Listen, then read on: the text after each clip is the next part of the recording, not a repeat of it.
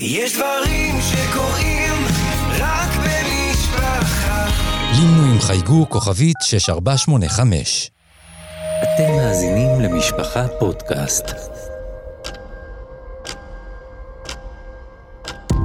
הפסקת אש. מאחורי הקלעים של המבצעים הצבאיים הגדולים בתולדות המדינה. עורך ומגיש, ישראל יוסקוביץ'.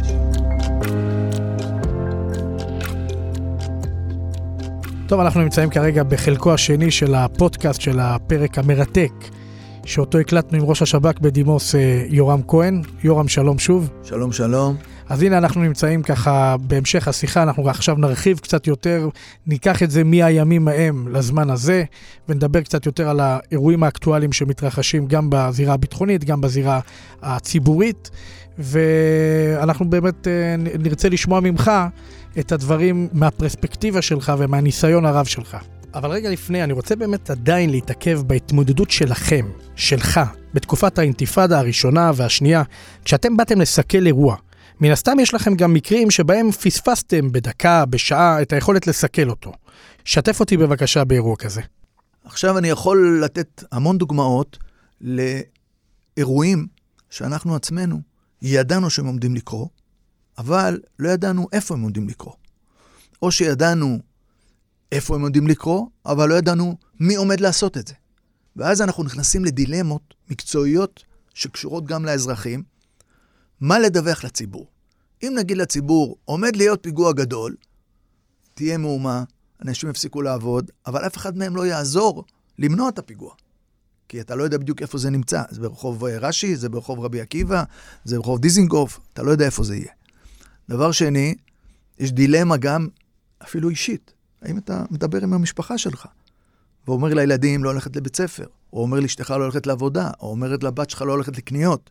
והיא אמרת לה את זה היום, אז בגלל שאתה יודע משהו, אתה אומר משהו למשפחה שלך, אבל מה עם השכן שלך? מה עם האנשים האחרים שלא חשופים למידע הזה? האם אתה מנצל את העובדה שידעת משהו, ואתה יודע בזמן אמת משהו, כדי לבלום את המשפחה שלך מלהיכנס במרכאות למתחם הסכנה? ובאמת, קרה מקרה כזה שאתם ידעתם משהו, ואחד מאנשי השירות אה, התלבט האם לספר למשפחה, בהחלט. או סיפר ולא סיפר לשכנים? אני חושב שזה קרה. אני חושב שברוב המקרים זה לא, לא מדברים עם הבית, לפחות ככה אני חושב, לא מדברים עם הבית, אה, בגלל שלא תמיד זה, אין לך את האינפורמציה המדויקת, ואני חושב שכל אחד עם הקדוש ברוך הוא בעניין הזה. כי אדם קרוב אצל עצמו, ו- ומערכת היחסים שלו, הערכית, עם עצמו, לגבי איך הוא מסתכל על עצמו במראה. אז אני יכול לתת דוגמה שבאחד הפעמים, שהייתי ראש מרחב, ניהלנו מבצע, כלומר עלינו על, קיבלנו מידע מודיעיני, שקבוצה של uh, חמאסניקים מחברון עומדים לבצע פיגוע התאבדות משולש, בו זמני, שלושה פיגועי התאבדות. הם מתכננים טובת העניין הזה, המטענים, החגורות נפץ, אה, יוצרו בחברון, וזו מעבדה בחברון, מעבדה במרכאות כמובן, והמתאבדים היו צריכים להיות מזרח ירושלמים. כלומר, הם היו צריכים להגיע כנראה מחברון לירושלים, מירושלים, מזרח ירושלמי היה צריך לקחת אותם באוטו ולהוריד אותם בתחנות או ביעדים של ביצוע הפיגועים, אבל זה היה צריך להיות פיגוע משולש, בו זמני. אנחנו לא ידענו מי ה... ידענו שתשתית חברון מארגנת את זה, אבל לא ידענו מי המתאבדים שלהם. ושמנו את כל מרכז הכובד שלנו על חברון, והטלנו בשיתוף הצבא עוצר על חברון, בלי להגיד לאף אחד בתקשורת למה. הטלנו עוצר, אין יוצא ואין בא על חברון. אבל מצד שני, זה לתת לנו זמן לאסוף מידע יותר מדויק, ולעלות על המתאבדים ולעצור אותם מתאבדים ואת החגורות נפץ. אז הטלנו עוצר על חברון, עכשיו כלל התושבים בחברון, הפלסטינים, הם סובלים, כי הם, הם עצמם לא יודעים למה, הם לא הולכים לעבודה, הם לא הולכים לבית ספר, וגם אנחנו לא מספרים את זה לציבור. למה אנחנו לא מספרים לציבור? כי הם, אם החברונים ידעו שאנחנו יודעים שאנחנו מחפשים אותם, אז לא נמצא לא את החגורות ולא את המתאבדים. אז זכות הציבור לדעת היא קיימת, אבל לא אם גורמת נזק. ובעקבות העוצר שעשינו, החבורה מחברון נאלצו להתקשר למישהו בירושלים ולהודיע לו שחל עיכוב בשליחת הם אמרו משהו עם המכונות כביסה, עם החפצים וזה וזה, זה, יכל, זה יגיע בשלבים יותר מאוחרים. לא, אף אחד לא אומר מתאבדים, כן? או נדמה לי שהם אמרו כלות או משהו כזה. אבל דרך זה איתרנו מהירושלמי, שצריך לקחת אותם. אז הלכנו אליו, עצרנו אותו, חקרנו אותו, בלי שהם ידעו. כלומר, גם אותו עצרנו בצורה סמויה, בלי שהציבור ידע בכלל שהוא נעצר על ידינו, וחקרנו אותו בצורה חשאית, והוא הודה בקשר שלו לחמאס, בזה, והוא הודה שהוא אכן היה צריך להוביל מתאבדים, והוא ממתין להם, הם היו צריכים ליצור איתו קשר, והודיעו לו, כן, הוא לא יודע מה אנחנו יודעים, הודיעו לו שהדבר הזה חל עיכוב כתוצאה מאיזה בעיה ביטחונית שהציבור שם לא יודע מה.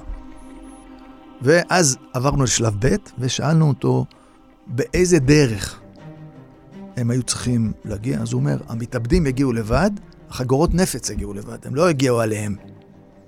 עוד פעם, חקרנו אותו, ואז הוא אמר שזה צריך להגיע במשלוח. פדקס כזה של הפלסטינים. יש משלוחים, וזה צריך להגיע. בבירור שעשינו איתו, התברר שזה היה צריך להגיע לאזור אבו דיס, ובתוך מכונות כביסה. שלחו מכונות כביסה לאבו דיס. אחד המכונות כביסה היה על שמו, הוא היה צריך לבוא, לתת את הוואוצ'ר שלו, לקחת את מכונת כביסה, להעמיס אותה על הרכב, להביא אותה הביתה, ובתוך תוף, התוף של הכביסה, שם צריכים להיות המכונות. אז אמרנו לו, אז איפה זה? הוא אומר, לא יכולתי לצאת, כי המכונת כביסה לא יצאה לדרך בגלל הסגר. אז קצת פתחנו את הסגר, אפשרנו את המכונות כביסה להגיע, נסענו מיד לאבו דיס, עצרנו את כל, המכ... במרכאות, פשטנו על כל המכונות כביסה, הצלחנו לאתר את המכונת כביסה ותפסנו שלוש חגורות נפץ.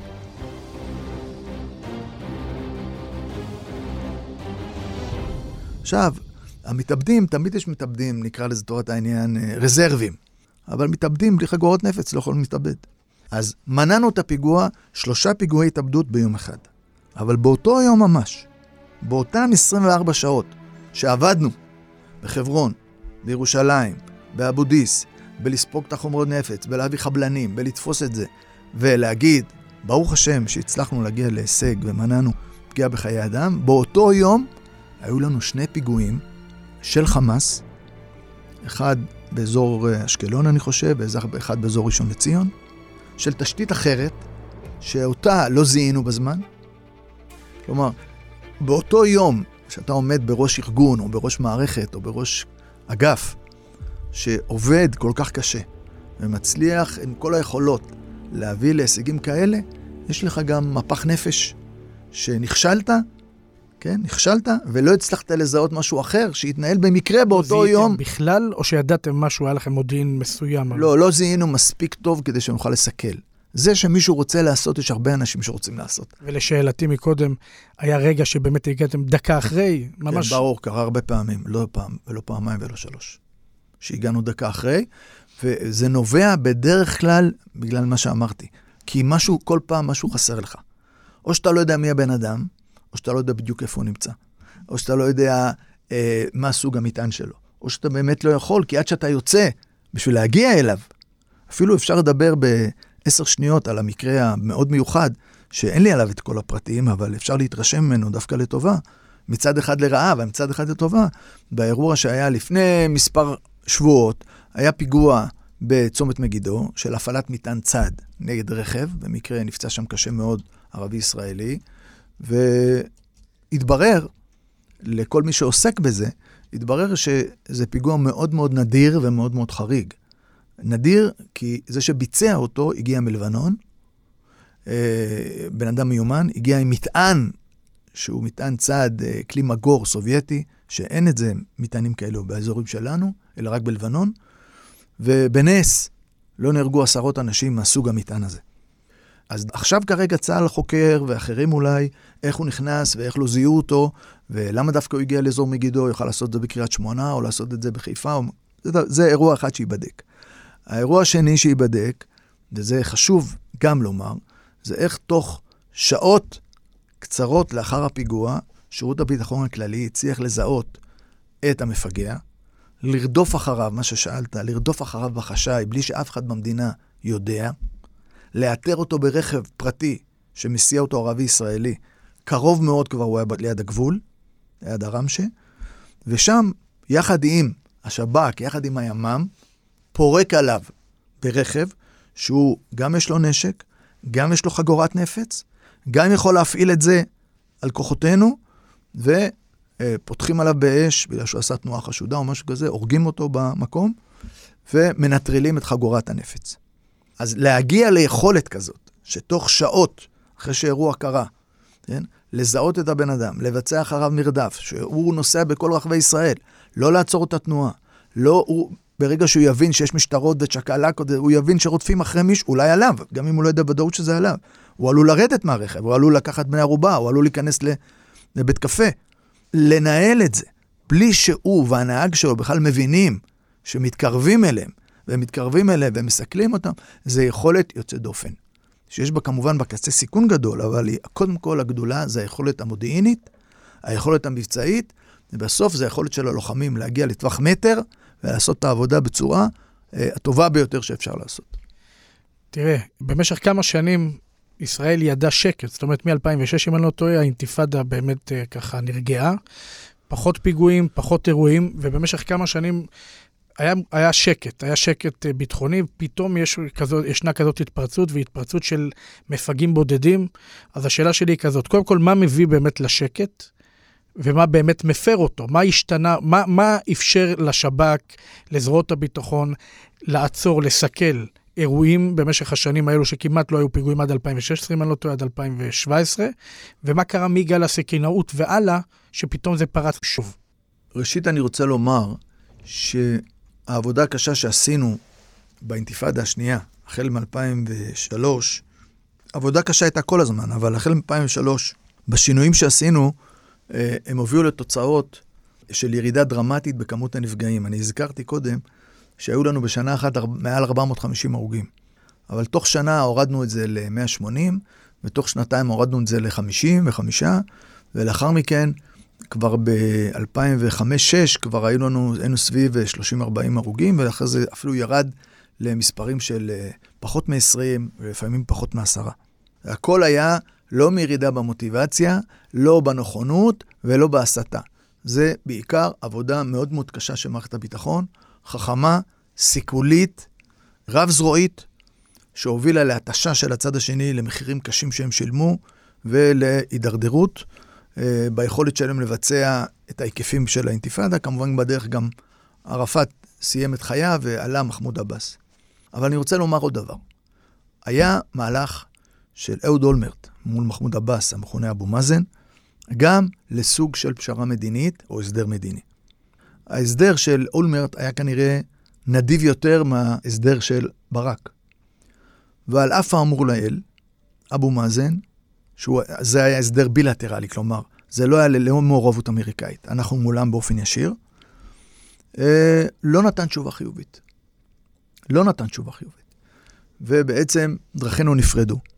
הפעם השלישית שזה קורה, סוג כזה, היה בתקופה של ביבי נתניהו ב-2012, שנכפה, לצורך העניין, על ראש הממשלה הידברות אה, בתיווך של קרי ובתקופת אובמה, והאמריקאים הפעם לא הלכו להסדר קבע, אלא הלכו למשהו יותר צנוע, זה נקרא הסכם מסגרת. מה זה נקרא, מה זה הסכם מסגרת? זה להגיע לעקרונות של הסדר ששני הצדדים מסכימים עליהם. אוקיי? עקרונות שמסכימים עליהם, לא על הפרטים, אלא על העקרונות. ואם מסכימים על העקרונות, אפשר משם להמשיך הלאה. לאחר שחודשים של דיונים משני הצדדים, אה, אמריקאים קראו לשני הצדדים אליהם והציגו מסמך. המסמך הראשון הופנה לבנימין נתניהו, ראש הממשלה דאז, והוא הביע הסכמה עם הסתייגויות. מחמוד עבאס נקרא שני, הציגו לו אותו מסמך וגם אמרו לו שנתניהו קיבל את המסמך, את ההצעה האמריקאית, והוא עד היום חושב, כן? כלומר, למה אני מזכיר את זה? כי שלוש פעמים דיונים מאוד רציניים להגיע להסדרים מדיניים לא צלחו. מה עוד קרה? הצד הפלסטיני נכשל בכל מה שקשור במתן ביטחון או לחימה בטרור בצד שלו. הוא נכשל בגדול בעזה והפסיד את השליטה לחמאס, שגם זה אין פתרון, אבל גם ביהודה ושומרון היכולת שלו מאוד מאוד חלשה, הוא נמצא בתפקוד קשה, יש לו בעיית לגיטימציה, והם לא מתפקדים מבחינה ביטחונית. לדעתי, גם לא מה שהם היו רוצים, ללא קשר לטרור נגד יהודים, אלא יש להם בעיית שליטה בשטח. אנחנו רואים את זה בג'נין, ביריחו, במקומות אחרים, או בשכם, שהם לא מצליחים להפגין ריבונות, היום נוטים יותר להשתמש במושג משילות, באזורים שעליהם הם אחראים. כל עוד הפעילות הזאת הייתה טלוויזיונית, רעולי פנים עם נשקים שיורים באוויר, אז זה היה בסדר. אבל ברגע שהם הפנו את הקנים שלהם לעבר כוחות צה"ל או לעבר אזרחים והתחילו לעשות לנו פיגועים, אז אין ברירה, אלא המערכת הביטחונית הישראלית צריכה להיכנס לפעולה, גם אם זה אומר בתוך שטחי A, גם אם זה אומר בתוך מחנות הפליטים, תוך סיכון אנשינו, כדי למנוע את הפגיעה באזרחים ואת הפיגועים החמורים שקרו לנו בערי ישראל, באלעד, בירושלים, בתל אביב וכדומה. לדבר הזה יש מחירים. מה המחירים? כי ברגע שאתה נכנס לתוך מחנה פליטים, ויש שם הרבה אנשים חמושים, וזה מקומות צפופים, מטבע הדברים, שאתה בא לעצור מישהו, או אפילו לפגוע במישהו, ויורים עליך מעשרות כלי נשק, מעשרות גגות, מעשרות ביטנים, אתה מגן על אנשיך ורוצה לצאת, ואתה בלי טנקים ובלי מטוסים, אלא רק לוחמים על הקרקע. הלחימה הזאת היא גם מאוד מסוכנת וגם מאוד קשה. וכתוצאה מהדבר הזה, ריבוי הנפגעים בצד השני הולך וגובר. כי כמות החמושים שם גדלה, הם באים להתעמת, וחיילים צריכים להגן על עצמם. אגב, גם באירועים האלה לפעמים נמצאים אה, כוחות מיוחדים של המשטרה, כמו ימ"מ, ולוחמים של השירות, יחד עם הלוחמים האלה, בתוך מחנות הפליטים. הדבר הזה יוצר מצב של ריבוי נפגעים, דבר שכמובן מזין את עצמו, בגלל שנשפך דם, מקבל תעודה בתקשורת הפלסטינית, יש האדרה כלפי האנשים האלה, רוצים לחקות אותם, הם הופכים להיות קדושים, הופכים להיות מודל לחיקוי, וזה מין מעגל של איבה שלא מסתיים, כפגיעה מהצד שלנו או תגובה מהצד השני, ולהפך, דבר שמי שצריך לסיים אותו, לפי הבנתי, בדרך כלל זה המנהיגות. אבל אם המנהיגות השני היא חלשה, או שהיא רק נוטה לומר להאשים את ישראל בכל דבר שקורה, אז קשה מאוד להגיע לרגיעה של המצב. אני רוצה לומר עוד משהו, קצת מדיני, לנצל את ההזדמנות שאני פה. אני באופן אישי, בפרספקטיבה של, של הרבה מאוד שנים, וצמתים שהייתי גם בתחום המדיני, ליוויתי את התחום המדיני, ובוודאי בתחום הביטחוני, וגם בקשר עם הצד השני, גם עם מפגשים עם מחמוד עבאס ועם ראשי מערכת הביטחון שלו, וגם בהיותי אה, חייל או עובד של שירות הביטחון הכללי במשך שנים. אני חושב שהקונספט או הפתרון שנקרא שתי מדינות לשני עמים, הוא פתרון לא טוב. הוא פתרון מסוכן בגלל שהצד השני לא מסוגל לתת לנו את מה שהכי חשוב לנו, זה ביטחון. נניח שאנחנו בינינו מסכימים, לא בטוח שנסכים, אבל נניח שאנחנו מסכימים לתת להם פיסת שטח גדולה, ונאפשר להם מדינה עצמאית, נאפשר להם מדינה ריבונית. יש דברים שאנחנו לא נסכים, אבל נגיד שיש דברים שכן נסכים. אה, ברגע שהם יהיו מדינה ריבונית, יש לדבר הזה ברמה הבינלאומית הרבה דברים שאחר כך אתה לא יכול לקחת חזרה. ואם, לפי עניות דעתי, הם לא מסוגלים, כמו שהם לא היו מסוגלים, לתת, קודם כל לעצמם, שליטה וביטחון, הם הפסידו בעזה לחמאס, שזה בני עמם. אנחנו לא רוצים שמחר החמאס יעלה פה לשלטון.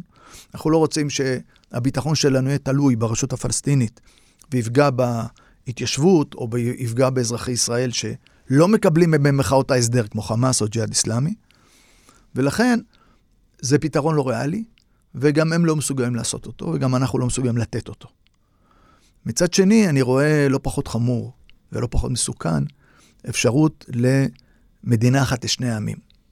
כלומר, אם אנחנו נידרדר למצב של סיפוח כללי של יהודה ושומרון, אה, נגיד שתהיה לזה רוב בישראל, זה בעצם סוף החלום הציוני-ישראלי. כי הפלסטינים הם היום שניים וחצי מיליון ביהודה ושומרון, כמעט חצי מיליון במזרח ירושלים, ויש לנו שני מיליון ערבים ישראלים. זה אומר שמהירדן עד הים, בלי עזה, בלי עזה, אנחנו שבעה מיליון יהודים וחמישה מיליון פלסטינים. שהצד הפלסטיני, ערבים ישראלים, רובם הגדול רוצה להשתלב. אבל חווינו חוויה של לינצ'ים בשומר החומות, והפלסטינים גורם עוין, עוין רציני מאוד שלנו, שלא רוצה לחיות אותנו בשלום, ולא מעוניין לחיות אותנו בשלום. אז איזה אינטרס יש לנו להכניס אותם לתוך המדינה ולהיות חלק מאיתנו?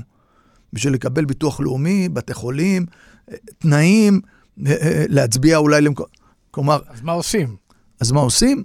לפי דעתי צריך להוביל למשהו ריאלי, וזה להציע להם אוטונומיה. אוטונומיה, כפי שהתחלנו את השיחה, כפי שבזמנו חלם או חשב, במגבלות מסוימות, רבין ז"ל, שזה אוטונומיה פלוס או מדינה מינוס. כן, אבל תראה, אנחנו עסוקים עכשיו בעניינים הפנימיים שלנו, ואיך אנחנו יכולים אה, להפנות את הקשב נכון. לסוגיות האלו. אה, זה, זה נכון מאוד, אבל זה סוג של בעיה שהיא לא נפתרת מעצמה. שום בעיה ביטחונית, אני לא רוצה להגיד בעיה אחרת, אבל שום בעיה ביטחונית לא נפתרת בגלל שאתה לא מטפל בה. להפך, תמיד זה הולך ומחמיר, כי המחירים שאולי היית משלם בהתחלה, היו יותר זולים מהמחירים שתשלם בעתיד. שתיים, יכול להיות שפתרון שהיית יכול לעשות היום, לא תוכל לעשות עוד עשר שנים. היום יש חצי מיליון אנשים בהתיישבות ביהודה ושומרון, עוד עשר שנים יהיו 750 אלף. הרבה יותר קשה לטפל. ואם תחליט לטפל, כל העניין זה אם תחליט. פה העניין זה של מנהיגות. המנהיגות בישראל צריכה להוביל באופן ריאלי, ראייה אסטרטגית, מה טוב לישראל, מה ניתן להשיג, כן? בקונסנזוס הכי טוב שאפשר להשיג, קונסנזוס שאפשר להשיג. אה, זה נכון, לא פשוט במשבר שבו אנחנו נמצאים כרגע, ובסדר עדיפות של ישראל, אבל להגיד, אוקיי, אני מתעסק באיראן, אני מתעסק בזה, אני מתעסק בזה, ואני לא מתעסק בסוגיה הפלסטינית, אני בעד ישראל, אני לא בעד הפלסטינים. אם לא תעשה את זה, אתה תיפגש עם משהו שלילי הרבה יותר, בגלל שאתה לא מטפל בזה. אפרופו מנהיגות, דיברת. אה, אתה נחשב לאיש ימין, אתה אדם דתי. ראיתי שהייתה איזושהי עצרת לאחרונה בנושא הרפורמה, שהשתתפת, נאמת, ראיתי שהנושא הזה ככה בוער לך. איפה אתה באמת אה, בימים אלו ככה, בשאלה שכל הזמן מעסיקה אותנו, העסיקה אותנו בשבועות האחרונים, כן רפורמה, לא רפורמה? יש לי כמה משפטים לומר. הדבר הראשון, שהממשלה שנבחרה, ממשלה חוקית לחלוטין, לגיטימית לחלוטין, נבחרה, נבחרה כחוק, וכל ממשלה רשאית לעשות שינויים, לעשות, אה, לשנות סדר עדיפות, לשנות משאבים, לשנות מדיניות. זה לגיטימי, זה נכון, וכל ממשלה עושה את זה. האירועים שבו אנחנו נמצאים הם אירועים אה, שמשנים בסדרי גודל את מה שנרמז בהתחלה. אני רוצה להסביר. אה, ראש הממשלה, אה, נתניהו הוא ראש ממשלה ותיק. הוא מנוסה, ויש לו הרבה ניסיונות בתחומים רבים, ביטחוניים, מדיניים, בינלאומיים וכלכליים. אה, שהוא בנה את הקואליציה הנוכחית, לא מזמן, אך לא מזמן, הוא אמר שיש לממשלה, והוא כמוביל אותה, כראש הממשלה, ארבעה תחומים מרכזיים שהוא היה רוצה להשקיע בהם מאמץ. אחד, זה אה, לא לאפשר לאיראן להתגרען, להיות מדינה גרעינית. שתיים, לטפל בכל מה שקשור בביטחון הפנים, זה המשילות, הטרור הפנימי, טרור חקלאי וכדומה. הדבר השלישי זה לטפל ביוקר המחיה, במשכנתאות, בריבית וכולי. דיור, מצוגת הדיור. והדבר הרביעי זה לנסות ולהרחיב את הסכמי אברהם גם למדינות נוספות במפרץ הפרסי, כמו סעודיה. אלה ארבעת הדברים. כל ארבעת הדברים האלה, אין להם שום קשר ושום השפעה מבית המשפט העליון. הם לא, מש... בית המשפט המשפט לא מפריע לנו, לא באיראן, לא מפריע לנו במשילות, לא מפריע לנו יוקר המחיה ולא מפריע לנו הסכמי אברהם. ופתאום אנחנו רואים, קמים בבוקר, ורואים שיש שינוי דרמטי, מהפכני, והוא נקרא סעיף ראשון, כן, או שלב א' ברפורמה המשפטית. עכשיו, רפורמה משפטית היא לא צריכה להיבחן לפי ימין ושמאל. היא צריכה להיבחן כאזרח, כל אזרח במדינת ישראל שהוא קם בבוקר ואומר, הרפורמה הזאת, בכללותה, לאחר שתסתיים, אמנם היום אני רק יודע את שלב א', אני לא יודע מה יש שלב ב', ג', ד', אבל היא ישנה. שהיא תסתיים, מה אני כאזרח, האם אני, זה יועיל לי או זה יזיק לי? האם אני אפגע או שאני אקבל מזה שגשוג? אני כאזרח, או אני כחלק מקהילה מסוימת, או מקבוצה מסוימת, יכול להיות אני חרדי, יכול להיות שאני ערבי, יכול להיות שאני ציונות דתית, יכול להיות שאני חילוני, יכול להיות שאני זר, כן? יכול להיות שאני, כל אחד מהקבוצות האלה, מיעוטים האלה, אני עלול או להרוויח מזה או להפסיד מזה. ההתרשמות שלי, שאם אנחנו לא לוקחים סעיף ספציפי, כלומר, האם לגיטימי לעשות שינויים במערכת המשפט? לפי דעתי כן. האם הדבר הזה נחוץ? אני גם חושב שכן. גם בגיוון בית המשפט, אולי בהגדרה איזה תחומים הוא לא יכול להיכנס, אולי בהגדרה מחדש אה, לגבי חוקי יסוד וחוקים שאינם יסוד, וכדומה. הבעיה שלנו היא כזאת. במדינת ישראל, לצערנו הרב, אלה שהקימו את המדינה, בשנים הראשונות לא קבעו חוקה למדינה. אפילו לא את מגילת העצמאות, שחתמו עליה אגב חרדים גם. ואין לנו חוקה. מכיוון שאין לנו חוקה, חלק מהאיזונים והבלמים בין הרשויות, הרשות המבצעת, הממשלה, הרשות המחוקקת, הכנסת והרשות השופטת, בתי המשפט, אין ביניהם איזונים מוסדרים בכל התחומים. ושאין הסדרים, אז האיזונים והבלמים הם נבנים תוך כדי. וכשהם נבנים תוך כדי, אז כל צד שיש לו כוח מסוים, הוא יכול למשוך לכוח שלו יותר על חשבון הצד השני. אבל מה שברור לנו, שאנחנו הקמנו פה מדינה יהודית, יהודית, לא ישראלית, מדינה יהודית ודמוקרטית, זה שאבות המדינה ראו בשני הערכים האלה חשיבות. וזה החוזה, שהיא גם יהודית וגם דמוקרטית. עכשיו, אם אנחנו משנים חלק מהפרמטרים של היהודית, אנחנו משאירים אותה כמו שהיא, אבל את הדמוקרטית אנחנו משנים, ומחלישים את הכוח של בית המשפט. במובן הזה שמעבירים כוח יותר לרשות המבצעת, הרי בינינו, הרשות המכוננת, או במקרה שלנו, הכנסת, היא לא כל כך עצמאית כמו בהרבה מקומות בחו"ל. למה היא לא עצמאית? כי הקואליציה שולטת בה. ויש משמעת סיעתית, ויש משמעת קואליציונית. אז מה שהממשלה רוצה, הכנסת מצביעה. אז אין הפרדת רשויות בין הכנסת באמת לבין הממשלה. על הנייר כן, אבל בפועל לא. אז יש לנו מי מגן? מי מגן על הציבור מפני החלטות ממשלה? מי מגן על מיעוטים? מי מגן על הדמוקרטיה? מי מגן?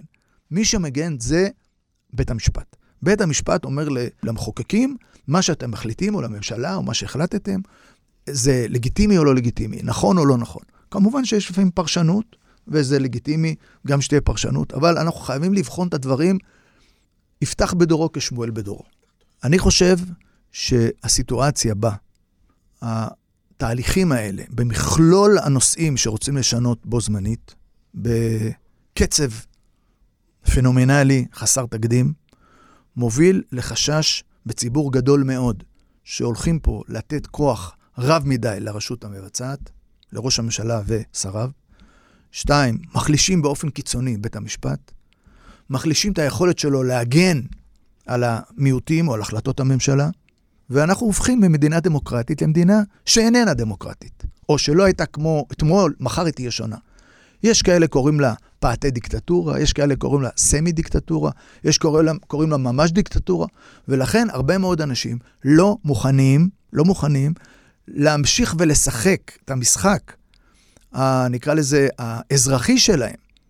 אם ציבור מסוים לא עושה את זה בהסכמה רחבה איתו, וזה בא לידי ביטוי בכל מיני תחומים, גם בתחום של אה, רצון לשרת במילואים, התנדבות, אולי מחר בתחום של הוצאת כספים וכדומה. אני באופן אישי חושב שצריך להישאר במלחמה הזאת, במאבק הזה, מול השינויים האלה, בתפיסת עולם פטריוטית. לא להוציא כסף מפה, חס וחלילה. לא לפגוע בצבא ולא להכניס את הצבא לתוך המערכות האלה. לא לעשות את הדברים האלה, אבל להיאבק במחאה ציבורית, במחאה חוקית, בגבולות החוק. אבל לתת fight, כי אם אתה חושב שהחיים שלך והחיים של הילדים שלך הולכים להשתנות מאינטרס אישי של אנשים בודדים, ואנחנו רואים חלק מהחוקים הם אינטרסים אישיים, או אינטרסים מפלגתיים, ואני הולך להיות בעולם שתרמתי למדינה, כן? שילמתי חיים, נפצעתי, אולי אחרים נהרגו וכדומה, ואחרים לא עושים את זה. אתה לא מקבל את זה שבגלל התרומה המסיבית שלך, גם בצבא וגם בכסף וגם בשגשוג המדינה, יבואו קבוצות של אנשים אחרים, אחד, ישמיצו אותם, יבקרו אותם, ילעגו להם, יבזו אותם, יקראו להם בשמות גנאי. אני חושב שהדבר הזה הוא דבר מכוער, לא מכובד, ובגלל שאני נמצא פה בפלטפורמה של תקשורת חרדית, אני רוצה לומר, החרדים במדינת ישראל הם אזרחים שווי זכויות, הם צריכים לקבל את כל הזכויות, הם אחים שלנו, לא משנה אם ספרדים או אשכנזים, אבל אני חושב הם צריכים לכבד כמה דברים. השפה כלפי אנשים שהם, שמגדירים אותם שמאלנים, שמגדירים אותם אנכיסטים, שמגדירים אותם בכל מיני שמות גנאי. בין אם הם חברי קואליציה ממפלגת הליכוד, או חברי כנסת, או שרים, או מפלגות אחרות, ובין אם הם...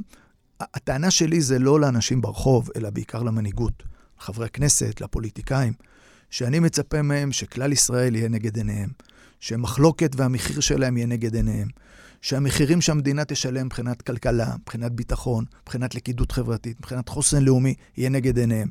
שלא המושג של פשרה, של הסכמות, להגיע להסכמות. במקום זה, אני שומע השמצות, אני שומע ביקורת של שפה שהיא לא מתאימה. והשפה הזאת, שהיא לא מתאימה מקבוצה של, אה, במקרה הזה אני אומר, בקבוצה של חרדים, גם אם הם לא אמרו את כל הדברים הנוראים, אבל אם קבוצות שלמות של אנשים אומרים את הדברים האלה, אתה אבל... בעצם מדבר על, ה, על ה, באמת על ההתבטאויות של כל מיני פוליטיקאים בצורה מזלזלת, ו, ואפילו באמת אפשר לומר כפויה טובה, כן. ואנחנו באמת צריכים... אה, אבל זה לא רק התבטאות, זה מה המעשים. מה המעשים? המעשים צריכים להיות שאם אתה נמצא בשלטון ויש לך כוח, אתה לא פועל ולא מונע מרגשות של נקמה, מרגשות של עליונות, מרגשות של סגירת חשבון, מרגשות שאם הפעם אנחנו נמצאים, מי יודע בקואליציה הבאה מה יהיה ולא נוכל להעביר את זה, כי המחירים שכולנו לשלם, יש כאלה ישלמו יותר אבל, שכולנו לשלם, הם עלולים להיות בלתי הפיכים. ולכן הציפייה שלי זה לא מאברהם עליהם מבני ברק או מוישלה מנווה יעקב.